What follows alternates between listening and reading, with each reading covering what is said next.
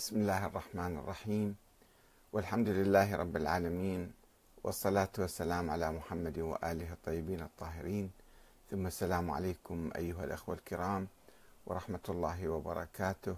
ومرحبا بكم في برنامج أنت تسأل وأحمد الكاتب يجيب.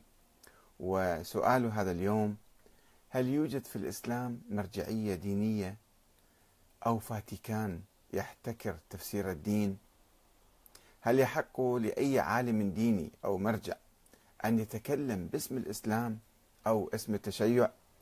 فيدخل من يشاء في الإسلام أو يخرج منه من يشاء كما يحدث في الكنيسة التي يقوم البابا فيها بهذا الدور. آه، بعد قليل سنكون معكم في هذا الموضوع.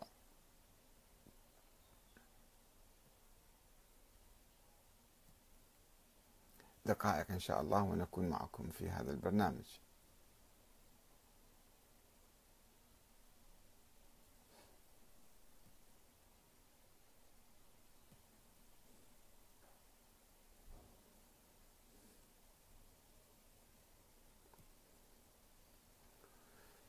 هل يوجد في الإسلام مرجعية دينية أو فاتيكان؟ هل يحق لأي عالم أو مرجع التحدث بالإسلام باسم الإسلام أو التشيع.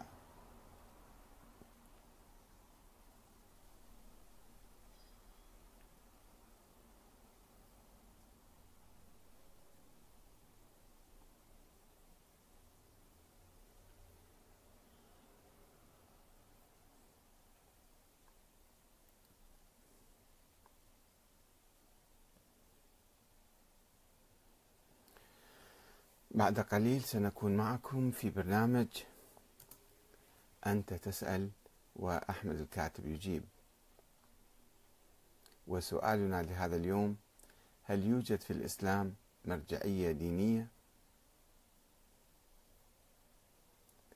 أو فاتيكان؟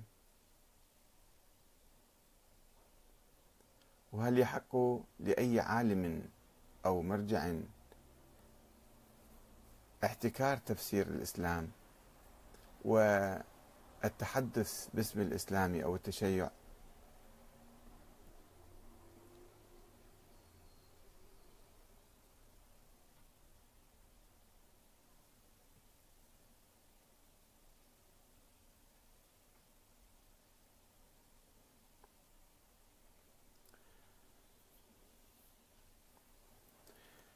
آه، لا شك بأن الرجوع إلى العلماء المتخصصين في الفقه هو ضرورة وهو أمر يعني عقلاني آه، يأمرنا به العقل كما يأمرنا بالرجوع إلى المختصين في كل حقل وفي كل علم إلى الأطباء إلى المهندسين إلى أصحاب الاختصاصات المختلفة.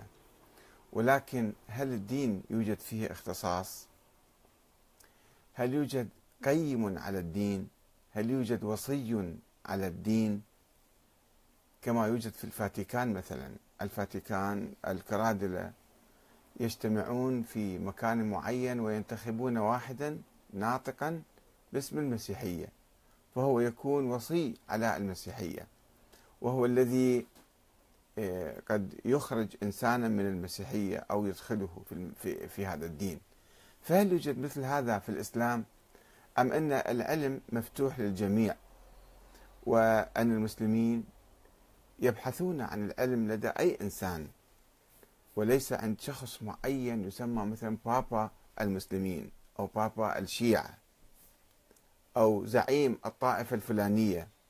هل لدينا في الإسلام زعيم لطائفة معينة دينية زعيم الإسلام والمسلمين مثلا؟ أم هذه بدع حديثة يعني حادثة؟ و يحاول البعض أن يؤسس الدين يمأسس الدين في مؤسسات. أن هذا الشيخ هو المفتي الأكبر. هذا هو آه، شيخ الإسلام. هذا هو آه، المرجع الأعلى. هذا هو الناطق باسم هذه الطائفة. كما توجد بعض المؤسسات آه، الدينية الرسمية في لبنان مثلا. لكل طائفة زعيم متكلم باسمها.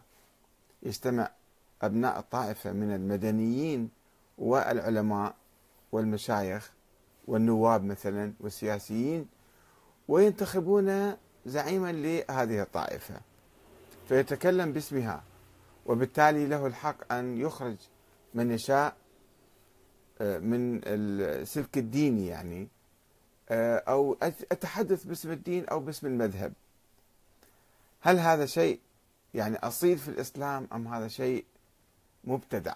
ومنذ قرون وليس يعني الآن عندما وضع الحكام مفتين لهم وسموهم شيوخ الإسلام.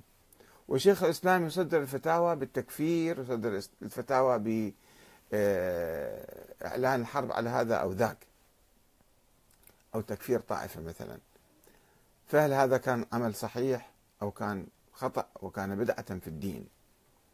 ودائما كما رأينا في التاريخ أو عندما ندرس التاريخ نرى أن هؤلاء المشايخ الرسميين يكونون دائما عادة تبعا للحكام يفتون حسب أهواء الحكام. وقل من منهم من آه، أفتى أو يفتي مثلا آه، خارج إطار آه، الدولة. وكان لدينا حديث هذا اليوم